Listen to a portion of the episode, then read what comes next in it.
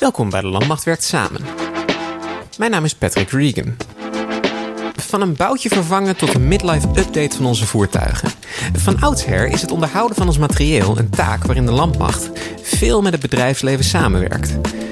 Vandaag bekijken we de vernieuwing daarin. Bijvoorbeeld bij het Additive Manufacturing Expertise Centrum in Leusden, waar de landmacht de eerste stappen zet in de wereld van het 3D-printen.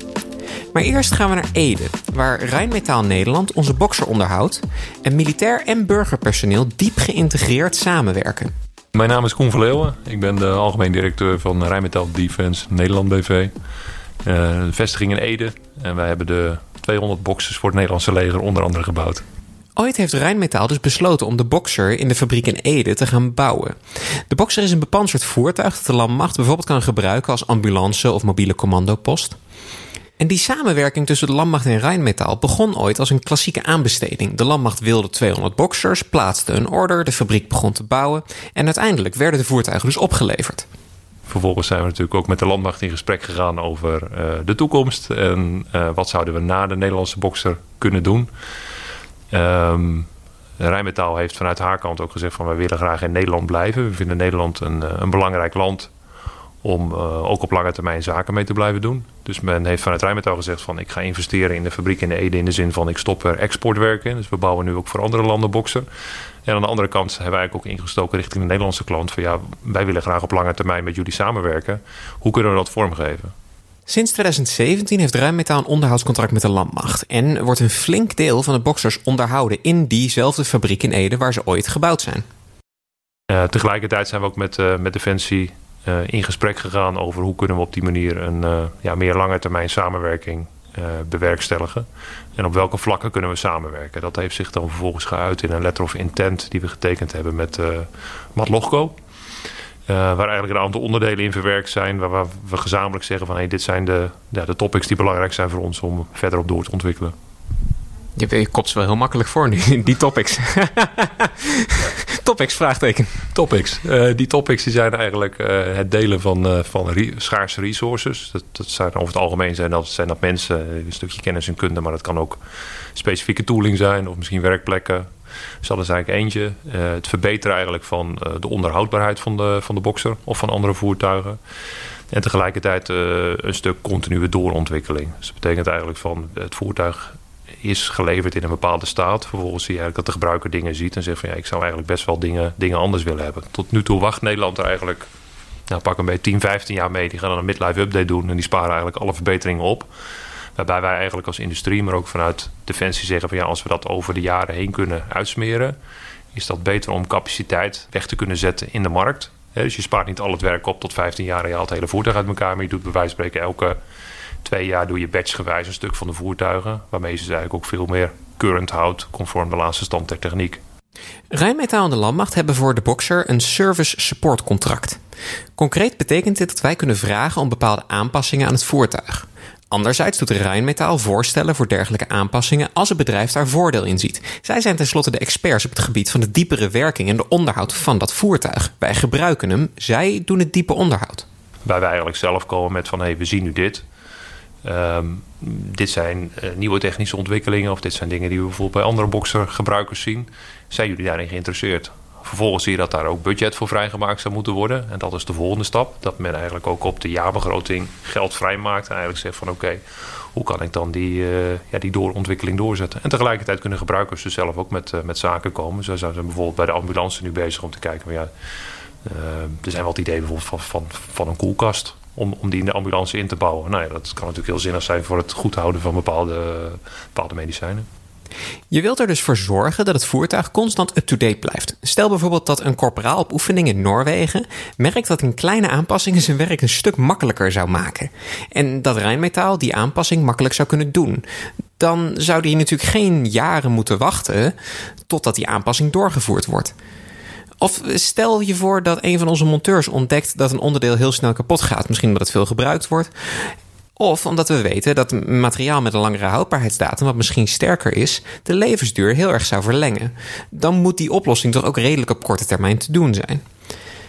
Maar daarvoor is wel een extreem nauwe samenwerking nodig. Veel nauwer dan, zoals ik eerder omschreef, een boxer kopen, het ding 10 jaar gebruiken en hem dan naar Ede brengen uh, voor groot onderhoud en een midlife update.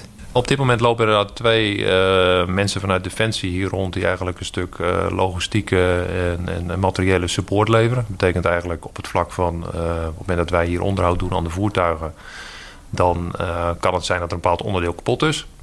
Dat onderdeel hebben wij uh, wellicht niet op voorraad, maar dat ligt in letterlijk wel op voorraad in, uh, in het centrale magazijn. Nou, dan kunnen we eigenlijk via hun heel snel ervoor zorgen dat die onderdelen hier komen, dat ze versleuteld worden in het voertuig, dat het voertuig het probleem wordt opgelost en inzetbaarheid vergroot wordt. Dus dat is eigenlijk één kant van uh, defensiemedewerkers die bij ons rondlopen. En tegelijkertijd hebben we op dit moment ook een, een Wounded Warrior rondlopen die aan het reïntegreren is. Dus dat is een, ja, dat is denk ik ook een, een mooie mix. En tegelijkertijd hebben we onze eigen monteurs, die zijn dus op defensielocatie voor garantiegevallen uh, problemen op te lossen, storingen op te lossen. Uh, men gaat mee op oefeningen, specifiek met de Fuchs. Dus dat betekent uh, buitenlandse oefeningen. Een tijd geleden zijn ze in Spanje geweest. men ondersteunt in Litouwen op het vlak van garantiegevallen. Op het moment dat meerdere voertuigen kapot staan, dan sturen we daar ook mensen heen. Dus ja, aan die kant zie je eigenlijk ook dat ja, de samenwerking best wel ja, intensief en, en, en dieper gaat al. Ja. We gebruiken binnen de landmacht daarvoor uh, een woord wat ik heel vaak uh, in deze serie ook voorbij hoor komen, is adaptiviteit. En dan zeggen mensen van het is een flexibele schil om de landmacht heen, zodat als je capaciteiten nodig hebt, dat je daar makkelijk aanspraak op kan maken, dat je ze makkelijk kan gebruiken. Vanuit Defensie begrijp ik dat. Dan is het mooi dat je inderdaad mensen erbij kan trekken. Maar voor een bedrijf betekent dat dat er dus ergens een entiteit is die dan zegt van ja, ik wil nu even wat mensen van je hebben. Hoe is dat voor jullie, die adaptiviteit? Dat is best wel een lastig ding, want wij hebben natuurlijk ook onze planning. We hebben onze productieplanningen voor het bouwen van nieuwe voertuigen, onze serviceplanning. Dus dat zijn wel dingen die je met elkaar moet afstemmen. Want kijkend naar die adaptiviteit hebben we met uh, en die letter of intent ook afgesproken dat we een aantal reservisten uh, eigenlijk hier binnen ons personeelsbestand willen werven. Dus op dit moment hebben we drie mensen die in, die, uh, in dat proces zitten. Dus die zijn eigenlijk onderweg om reservist te worden. En de afspraak is dat we die mensen dan één maand per jaar minimaal beschikbaar maken voor Defensie. Maar dat moet dan inderdaad in goede afstemming gaan van wanneer uh, past dat. Dat wij die op die manier ook die mensen kunnen vrijplannen. Uh, dat kost ons geld onder de streep. Want ik kan die monteur natuurlijk ook voor een commercieel uurtarief verkopen. Maar nu geef ik hem eigenlijk ja, voor niks een maand lang aan Defensie. Maar tegelijkertijd zie ik absoluut de winst in een stuk kennisuitwisseling. Een stuk verdere, diepere integratie tussen, tussen zowel de landmacht als tussen, tussen Rijnmetaal. ik vind het bijzonder waardevol dat mijn mensen daar een maand rondlopen. daar mensen leren kennen, kennis opdoen, kennis delen. En ik geloof ook absoluut dat wij vanuit, uh, vanuit Defensie heel veel dingen kunnen leren. En Defensie van ons kan leren. Dat we op die manier elkaar versterken. Ik, ik zit te denken, ik, ik denk wel dat, dat je zeker bepaalde elementen hebt. Dat mensen op het moment dat ze een maand bij jullie meedraaien ook veel beter zien hoe wordt het voertuig ingezet. Welke dingen zijn belangrijk voor een gebruiker en welke dingen zijn minder belangrijk. Waardoor je bij wijze van spreken ook een stukje servicegerichtheid en het snappen van je klant beter, uh, beter in de vingers krijgt. Dus daar, daar geloof ik absoluut wel in. En wat je zegt, ik denk die hersteleenheden, zeg maar de, groene hersteleenheden, die zijn vaak best wel heel creatief met het maken van quick fixes om een voertuig weer inzetbaar te krijgen. Nou, dan kun je op die manier natuurlijk ook kijken van dat je ja, ook specifiek voertuigtechnisch soms, soms elkaar ja, bepaalde trucjes kan leren om te zeggen van oké, hij rijdt nu in ieder geval weer, hij kan het bos uit en we kunnen hem naar de werkplaats brengen. En daar pakken we hem op en dan trekken we hem verder uit elkaar. Onderhoudsmonteur Roosmarijn Wensink is uh, bij Rijnmetaal bezig met het onderhoud van de Boxer en de Fuchs. Onlangs ging zij ook mee op oefening naar Spanje om daar op locatie die Fuchs te ondersteunen. Maar voor we ze haar daarover vragen, zij sleutelt dus dagelijks als burger aan militaire voertuigen. En dan ben ik heel benieuwd wat nou dat sleutelen juist aan die militaire voertuigen zo bijzonder maakt. Uitdagend. De Boxer is natuurlijk een heel nieuw product. Het is nou, nog, eh, nog maar pas een aantal jaren bij Defensie. Het is voor ons nog steeds een leerproces. Maar het is een heel nieuw voertuig. Dus nou, we komen nog van allerlei dingen tegen wat wij, waar wij ook nog weer van leren. En de Fuchs waar ik bij zit, dat is natuurlijk al een veel ouder voertuig. En daar is vooral de uitdaging dat je moet kijken van hoe kan ik hem gerepareerd krijgen met weinig tot geen middelen. Omdat dat natuurlijk zo'n oud voertuig is. De middelen zijn er niet altijd. Dus dan moeten we andere wegen zoeken om het uh, toch te kunnen repareren. Jij gaat ook mee op oefeningen om daar ter plekke dingen te doen? Ja, klopt. Uh, we gaan in, voornamelijk met de NBC-voertuigen gaan we mee. En die gaan naar verschillende locaties in Europa gaan ze op oefening. En dan gaan we eigenlijk mee ter ondersteuning. Dus zorgen dat het voertuig blijft rijden. Dat, uh, nou, dat de, eigenlijk de oefening zo vlekkeloos mogelijk uh, verloopt. Dat is eigenlijk ons hoofddoel bij de oefening. Hoe ziet zo'n zo'n oefening voor jou eruit? Ben je dan constant bij de militairen of heb je een beetje je eigen, je eigen hokje? Nee, in principe uh, zijn we elke dag zijn we wel even bij ze. Gewoon even om contact met de militairen te hebben. Van lopen ze nog tegen problemen aan? Uh, we gaan ook nog wel eens naartoe dat we zeggen... we gaan even bijvoorbeeld alleen de vloeistoffen controleren. Even de olie en de koelvloeistoffen. Dat zijn natuurlijk belangrijke dingen waardoor het voertuig blijft draaien. En uh, ja, in die tussentijd draaien hun een oefening en we zijn gewoon oproepbaar. Hoe is het om met, uh, met militairen te werken? Want ze komen dan dus eigenlijk gewoon met vragen aanstellen van... Uh, het ding doet dit niet, repareer het even. Ja, ik vind zelf ik vind het leuk om mee te werken. Het is, het is echt te gebruiken. En je moet heel goed naar hun wensen luisteren en ook hun klachten. En ook zorgen dat je zegt van dat hun, nou wat ik zeg, zo goed mogelijk een oefening kunnen uitvoeren. En soms een stapje extra zetten en zeggen van nou, we willen toch dat het voertuig net iets beter zijn best kan doen. Waardoor hun tevreden mee op de weg kan, uh, kunnen rijden. Want is het dan ook een soort. Uh, ik kan me best voorstellen dat als je op zo'n oefening bent, dan heb je misschien zelf ook niet al je uh, spullen voorraad. Dus wordt ook een beetje improviseren. Misschien ook een beetje samen eruit komen om dat ding draaiende te houden. Ja, klopt. over het algemeen gaan we altijd met z'n tweeën. En het is eigenlijk ook een samenwerking tussen ons en Defensie. Defensie neemt vaak de, de vrachtwagen met de kraan erop. Dus als de motor eruit getild moet worden, hebben we hun de technische dienst eigenlijk voor nodig. Dat is een mooie samenwerking. En uh, zo proberen we ook samen te denken van hoe kunnen we het oplossen. En wij hebben onze expertise dan in dit geval voor de Fuchs. En uh, nou ja, Defensie heeft eigenlijk voor ons de ondersteuning en daar helpen ze ons mee. En dat is eigenlijk een goede samenwerking is dat. Klein stukje uh, cultuur. Uh, jij bent burger. Uh, militairen is een ander slag volk soms, zeggen mensen. Ja, ja. Hoe is het om met ze, met ze samen te werken? Inderdaad, het verhaal gaat de ronde. Maar ik heb daar niet zo moeite mee. Ik, ik denk, ik heb altijd zoiets van nou, iedereen is zoals die is. En nou, het is hun manier van doen. En ik kan er ook altijd wel om lachen, die omgang met elkaar. En nee, ik heb daar helemaal absoluut geen problemen mee. Is hun manier van doen. Kun je iets vertellen over die manier van doen? Nou, het is een beetje het, het uh, natuurlijk het, een beetje het stoeren. En, uh, maar ook onderling het wel, het, wat ik altijd wel mooi vind, een beetje het kameraadschap onderling. Ze zijn echt wel, ze staan voor elkaar in en ze helpen elkaar. En dat vind ik wel iets moois altijd om te zien. Ik denk van, ja, je hoort eigenlijk bijna nooit een onvertogen woord tegen elkaar. En uh, tenminste, dat is mijn ervaring bij de Fuchsjongens. En de, dat vind ik altijd wel mooi om te zien. Dat is echt wel, nou ja, ze gaan ervoor en uh, ook voor elkaar. Dus uh, ja, en ik merk ook heel erg sinds ik daar kom, voor mij is de oefeningen vrij nieuw. Ik doe het nog niet heel lang. En ze zijn wel heel erg bereid om je te helpen en mee te denken. En zeggen van, joh, kalm het komt wel goed. we kunnen hier gewoon helpen. Als er bijvoorbeeld iets nou, getakeld moet worden of dergelijke. En, nou, dat is wel, ja, ik vind het een fijne samenwerking het voelt voor mij heel erg alsof je niet alleen. Um, het is niet een samenwerking van jij werkt voor bedrijf A, zij werken voor bedrijf B. Het voelt bijna als een samenwerking van we zijn hier gewoon met z'n allen en we proberen het samen ook op te lossen. Ja, dat gevoel heb ik wel. En dat is mijn streven eigenlijk ook. Ik ben, wij zijn eigenlijk als Rijnmetaal zijn we daar om te zorgen, nou, wat ik al benoemde, om die oefening goed te laten verlopen. Maar ik vind ook het persoonlijk contact met de, met de militairen die echt met voertuig rijden is ook heel belangrijk. Je kunt wel een manager bijvoorbeeld zeggen van ja, weet je, dit, dit is ermee aan de hand. Maar die gebruiken hem niet. En ik vind een, een, militair die gebruikt hem echt. En die kan veel duidelijker aangeven van... Nou, dit is er mis mee of dat ontbreekt er misschien aan. En dat vind ik iets wat uh, nou, belangrijk is ook tussen onze samenwerking.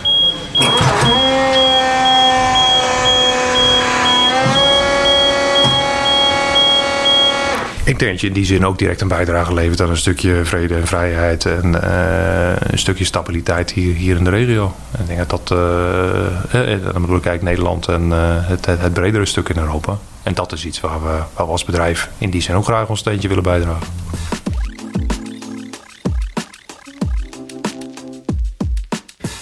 3D-printen, ook wel additive manufacturing, maakt een gigantische ontwikkeling door.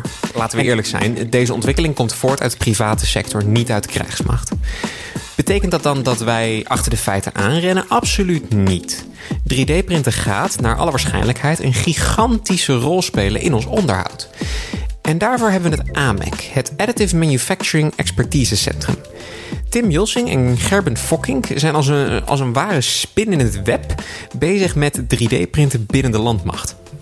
Nou ja, een mooi voorbeeld is uh, de, de GPS-houder en de infraroodlamphouder van uh, de, de quad die, de, die daar gebruikt werd. Dit is Tim trouwens, die heeft het over Afghanistan. Uh, Gerben hoor je straks. Nou, die is, die is daar zelf ontwikkeld en nou, zo gemaakt dat daar die onderdelen op kunnen. En, en, en sterk, die, die bevalt zo goed nu dat ze hem eigenlijk ook als standaard gebruiken op de quad. dit is, ik kijk er nu naar, dit is een soort houder à la GoPro-achtig, moet ik het zien? Ja, nou eigenlijk, eigenlijk wel. Het is, er zitten verbindingen op die, die direct op de quad schroeft. En nou, het is gewoon een kliksysteem waar je de Garmin in, in klikt. En waar je een infrarood tussen kan schroeven. Het is echt functioneel gemaakt. En het is, nou wat zal het zijn, 15 centimeter hoog, misschien 10 centimeter breed. Hoe, dit, dit print je dan dus in zijn geheel eigenlijk? Uh, ja, wel in onderdelen, maar in één, in één printjob, zoals je dat noemt. Ja, de, de, je kunt meerdere onderdelen tegelijkertijd op de, op de beeldplate leggen. Uh, ja, en daarna kun je het assembleren. Uh, nou, dat hoeft in principe eigenlijk ook niet eens altijd zo te zijn. Je kunt natuurlijk met 3D-printen slim gebruik maken van, van de techniek de onderdelen te combineren. Ehm, maar goed, uh, ja, je, dat hangt er maar net vanaf uh, hoe, uh, hoe ingewikkeld het onderdeel is natuurlijk. En ook hoe handig je ermee bent.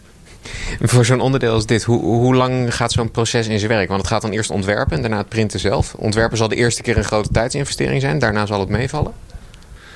Ehm, ja, dat, de investering is inderdaad precies, precies zo.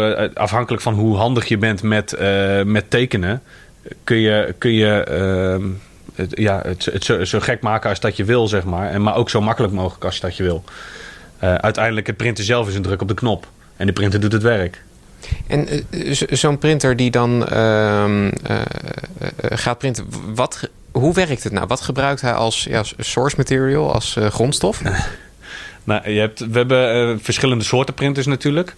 Uh, wat, je, wat je vaak, uh, vaak ziet is dat uh, een, merkprinter ook zijn eigen, zijn eigen materiaal heeft.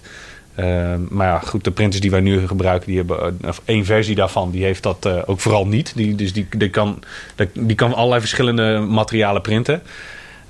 maar ja, ja je, je kunt denken aan, aan staal al. Ehm, eh, nou ja, de hoogwaardigere kunststoffen die bijvoorbeeld tegen uh, brandstoffen kunnen.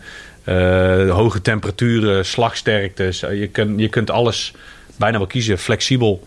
Ja, en zoals wij dat nu doen, is dat in de vorm van een filament. Dus dat is eigenlijk gewoon een draad die op een rol zit. Ehm, die wordt aangevoerd in, in uh, de nozzel, zoals dat heet. Die, uh, die, die, wordt warm, die smelt het materiaal. En die legt het nou, super nauwkeurig op de, op de plaat. En uiteindelijk vormt dat dan een, een 3D-product, zeg maar. De producten zijn dusdanig bruikbaar al dat je er serieuze kracht op uit kan voeren. inderdaad, vorige, vorige week hebben we bij Raseenheid hebben we een bootcamp gedraaid. Uh, en daar heb ik een, eh, een loopwiel geprint, geprint voor de uh. Uh, ja, dat was zelfs boven mijn verwachtingen uitgestegen. dat, dat, hij zit er nog steeds onder wat dat betreft. Ik heb hem mogen monteren. dat was ook wel het voordeel daar. We hadden nog niet met, met eigenlijk de organisatie Defensie te maken. En ook de leverancier was daarin meewerkend. Dus ja, dan, dan kun je eigenlijk net even die stap verder maken.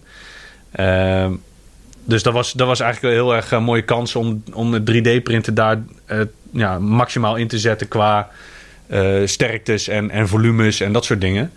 Dus vandaar het loopwiel. En nou goed, dat, dat heeft echt dus zeer positief uitgepakt. Dus, dusdanig dat hij ja, door veldrijden en, en modder, water, alles doorstaan heeft. Dus dat is, dat is ongelooflijk mooi om te zien. Om dan een, een stapje verder te gaan, of misschien wat dieper. Um, andere zaken die een, uh, die een 3D-printer zou kunnen maken. Waar kunnen we nou op termijn allemaal aan denken? Waar is het nou handig voor? Uh, nou, uiteindelijk willen we van de, houder, ja, de houdertjes ook blijven printen, maar we willen we ook naar uh, echt kritische onderdelen. Dus echt structurele onderdelen van voertuigen. En dan heb je printers nodig die de ene dag het onderdeel printen en de dag daarna het onderdeel exact hetzelfde printen. Dan praat je over professionele printers. Dan praat je over uh, kwaliteitseisen die bekend zijn, uh, normering. Dat is de volgende stap. En dan praat je echt over structurele onderdelen van een voertuig. Moet ik dan denken aan wat er in de motor van een, een tank zit, wat misschien snel verslijt, waardoor we dat op zo'n manier kunnen vervangen? Kan. In eerste instantie kun je denken aan waar een motor bijvoorbeeld mee vastgezet wordt. Het zal nog niet direct een zuiger zijn of een cilinder. Maar wel uh, bijvoorbeeld uh, van een water, onderdelen van een waterpomp. Of onderdelen van een, wellicht van een, van een stuurinrichting. Of, van, of, of onderdelen die, die hard slijten. stofhoesen van aandrijfassen. dat soort zaken. en daarbij willen we ook goed kijken naar welke onderdelen worden nu vaak vervangen. Tijd, locatie, het zijn allemaal factoren die bepalen of een onderdeel beter aangekocht of 3D geprint kan worden. Een onderdeel naar een missiegebied als Afghanistan krijgen om op een quad te kunnen monteren is bijvoorbeeld veel makkelijker gezegd dan gedaan. Dat onderdeel moet bij de leverancier aangekocht worden, dan naar een defensielocatie verstuurd. Om een korte levertijd naar een eenheid te garanderen, ligt dat daar weer een tijdje.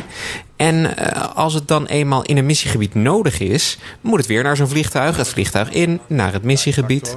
Niet alleen kan er een flinke periode overheen gaan, het kost transportcapaciteit, het kost opslagplek, het kost manuren. Uh, uiteindelijk zullen de keuzes gemaakt worden van uh, gaan wij onderdelen die we normaal meenemen, niet meer meenemen en gaan wij een printer meenemen met, met filamenten om die onderdelen eventueel indien nodig te kunnen printen. Ja, dat logistieke footprint uh, verlagen, verkleinen. Dat is, uh, dat is eigenlijk, denk ik, de belangrijkste ja, factor voor 3D-printen binnen Defensie. Hoe moet het er nou ooit uit gaan zien? Is het dan zo dat er op uh, iedere kazerne een 3D-printer staat en we daar onderdelen uit gaan printen? Ja, onze filosofie is wel dat wij geen eigen productielocatie zijn of worden. Maar dat we onze printers daar hebben staan waar de onderdelen nodig zijn. En natuurlijk zit daar een uh, heel verhaal achter en uh, ook keuzes. Maar wij willen de printers het liefst zo dicht mogelijk bij de locatie hebben staan waar je het onderdeel nodig hebt. Dus ja, op kazernes bijvoorbeeld. De technologie gaat hierin denk ik bloedsnel. Ik denk dat er heel veel uh, ontwikkelingen zijn die je eigenlijk niet bij kan houden. Je zit hier ook met twee mensen. Er staan hier twee printers. Um, hoe gaat dat in zijn werk? Ik bedoel, wij kochten een, uh, een 97 voor een periode van 30 jaar aan. Hmm. Ik denk dat een printer dat gaat veel korter mee en moet misschien ook veel sneller vervangen worden. Toevallig hebben we het daar vanmorgen over gehad. Ja. hoe, gaan we, hoe gaan we het inrichten als printers aangeschaft gaan worden hier? En wat gebeurt er inderdaad met eventueel onderhoudscontracten? Uh, wat gebeurt er inderdaad als er een nieuwe versie komt van een printer? Uh, hoe, hoe, lang blijven we doorgaan met een oude? Ja, dat zijn, dat zijn eigenlijk zaken die, die, die, die poppen nu op, hè, bij ons ook. Uh, ja, daar moeten, we, daar, moeten we, daar moeten we wat mee gaan doen, zeg maar. Maar jullie zitten nu ook nog in een fase waarbij je misschien nog niet uh, weet wat alle mogelijkheden zijn. Waarbij misschien nog onderzocht wordt van wat kunnen we er nou eigenlijk mee? We zijn nog heel veel aan het leren. We weten ook al wel heel veel. Maar we zijn nog heel veel aan het leren. En uh, ja, hoe, hoe we dit het beste in de organisatie eh, weg kunnen zetten. Over dat leren. Je zei uh, samenwerken met kennisinstituten. Ik denk een TNO dan. Onder andere. Een NLR. Uh, dat, zijn, uh, ja, dat zijn de wetenschappelijke instituten die zich bezighouden met alle, alle nieuwste technieken, nieuwste materialen die op de markt verschijnen. dus ja, dat is, voor ons is dat een hele waardevolle kennisbron. Uh, maar ook uh, hebben we dusdanig de connectie dat als wij een behoefte hebben op een specifiek materiaal bijvoorbeeld, of een vraag hebben over een specifieke printer, of misschien een specifieke printer willen hebben, of wat dan ook, dan kunnen wij hun om assistentie vragen van hey, kunnen jullie ons uh, een advies geven van dit moet je eigenlijk aanschaffen, of dit materiaal kun je het best gebruiken met deze en deze instellingen op die en die printer. dus kijk, voor ons is het niet zo dat wij alles gaan weten ervan. Maar we weten wel precies waar we moeten zijn als we een vraag hebben. Als het gaat over 3D-printen, het is in allerlei andere sectoren wordt het ook gebruikt. Ik bedoel, het is een nieuwe technologie, eh, het kan overal, uh, heeft het toepassingen. Wat maakt het nou bijzonder om hiermee te experimenteren voor Defensie en voor de landmacht? Ja, wat het bijzonder maakt. Uh, ik denk dat de, de, de techniek zelf is, uh, is heel erg direct met het, met het eindproduct. Hè. Dus uh, wat, je, wat je erin stopt, krijg je, krijg je er ook meteen uit. Hè, uh, als je het vergelijkt met, met eh, reguliere productietechnieken, moet je mallen maken. je moet er nou, vaak grote machines voor aanschaffen. Ehm, met 3D-printen ja, heb je de printer uiteraard nodig. Maar ehm, ja. En bij Defensie hebben we niet echt grote series nodig, kleine aantallen.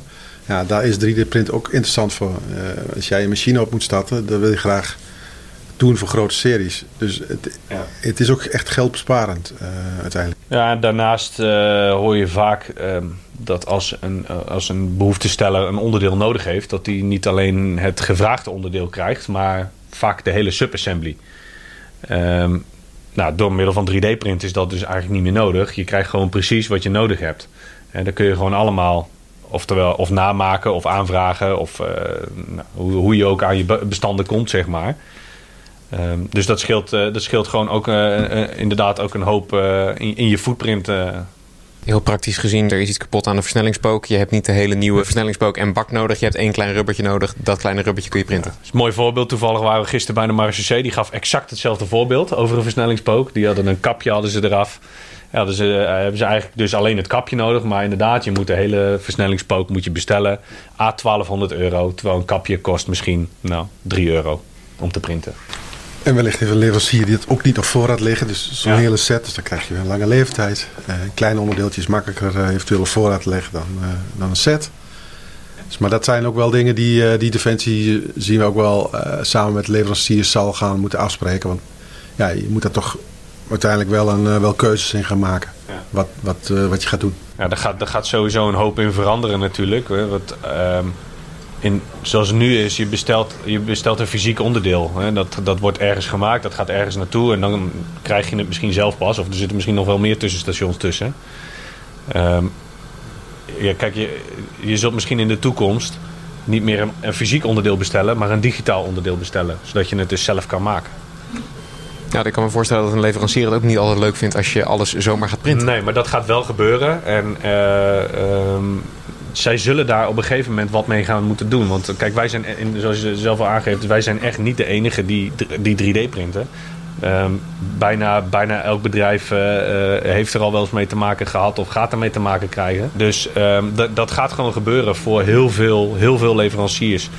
Eh, zullen zij een aanpassing moeten gaan doen eh, op dit gebied. En eh, over 3D-printers zelf.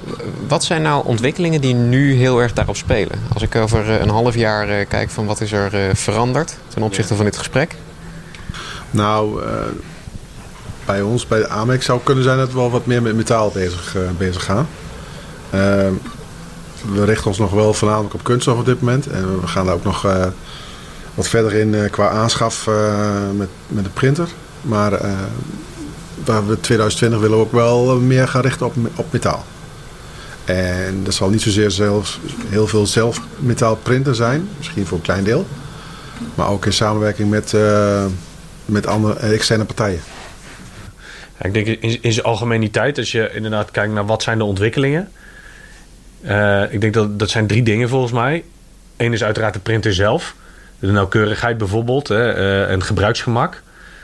Twee is volgens mij de materialen die eh, nu beschikbaar zijn, eh, dan wel beschikbaar komen. Er wordt ongelooflijk veel onderzoek gedaan eh, over de hele wereld naar materialen, nieuwe materialen en dat soort dingen. En daarnaast als belangrijkste, volgens mij, het verhaal over regelgeving. Ja. Er is nog, no- tot op de dag van vandaag nog niet echt een, een, een norm, zeg maar, waar, waar we aan kunnen toetsen. Eh, ehm, dus eh, wat uh, Gerbe aangeeft, eh, je moet nu eh, ja, roeien met de riemen die je hebt. Ehm, dus eh, de machines zijn nu dusdanig in ontwikkeling dat ze bijvoorbeeld rapporten genereren waarin je kan zien eh, dat je print goed is gegaan. En, en daarmee moet je het doen. Je kunt, je kunt niet het harde feit geven of de meting geven van ehm, dit onderdeel voldoet aan deze eis. Dat kan nu nog niet. Zodra die regelgeving er is, kunnen we ergens mee toetsen en dan kunnen we appels met appels vergelijken. En dat is, dat is denk ik de meest belangrijke ontwikkeling voor in de toekomst. Juist ook als je het in eh, ons materieel wil gaan verwerken, dan moet het aan bepaalde eisen Ja, voldoen. juist. Ja, zeker. En dat is nu ook waar we tegenaan lopen natuurlijk. Hè. Wij krijgen een, een behoefte. Eh, het eerste wat we moeten gaan doen is eh, naar normstellers...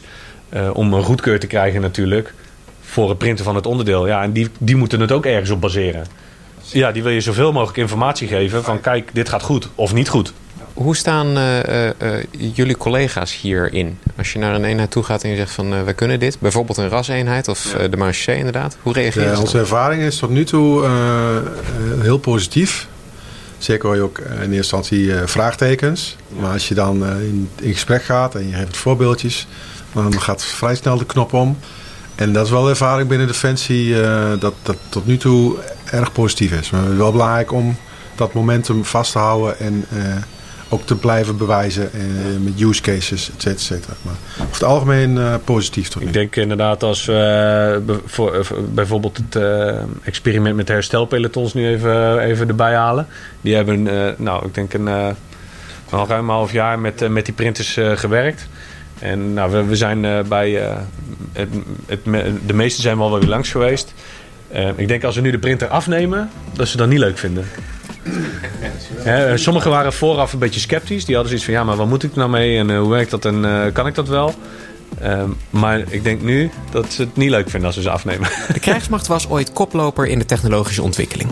Maar op veel vlakken is dat al lang niet meer het geval. De, ontwikkelingen in de private sector zijn gewoon in veel gevallen leidend. Is dat slecht? Volgens mij niet. In 3D-printen zijn we misschien niet de koploper, maar we passen het steeds beter toe in de organisatie. En in de volgende aflevering ga ik langs in Oorschot bij de raseenheid. Eh, Weer zo'n afkorting. Deze keer staat hij voor robotica en autonome systemen. En daar ga ik praten over artificial intelligence, machine learning en de happiness factor. Maar dat volgende week. Voor nu onwijs bedankt voor het luisteren. Ben je nou fan van de show? Abonneer je in jouw podcastspeler en gedurende januari verschijnt er iedere dinsdag en donderdag een nieuwe aflevering in je feed. En je helpt mij gigantisch als je een review achterlaat op Apple Podcasts of Stitcher. En als je De Landmacht werkt samen aan zou willen raden bij vrienden, familie, collega's. De Landmacht is een podcast van de Koninklijke Landmacht. Productie is door sergeant-major Remco Poelman. De muziek komt van One en mijn naam is Patrick Regan. Je volgt ons via Instagram, Twitter, Facebook en YouTube en check defensie.nl voor het laatste nieuws rondom de krijgsmacht.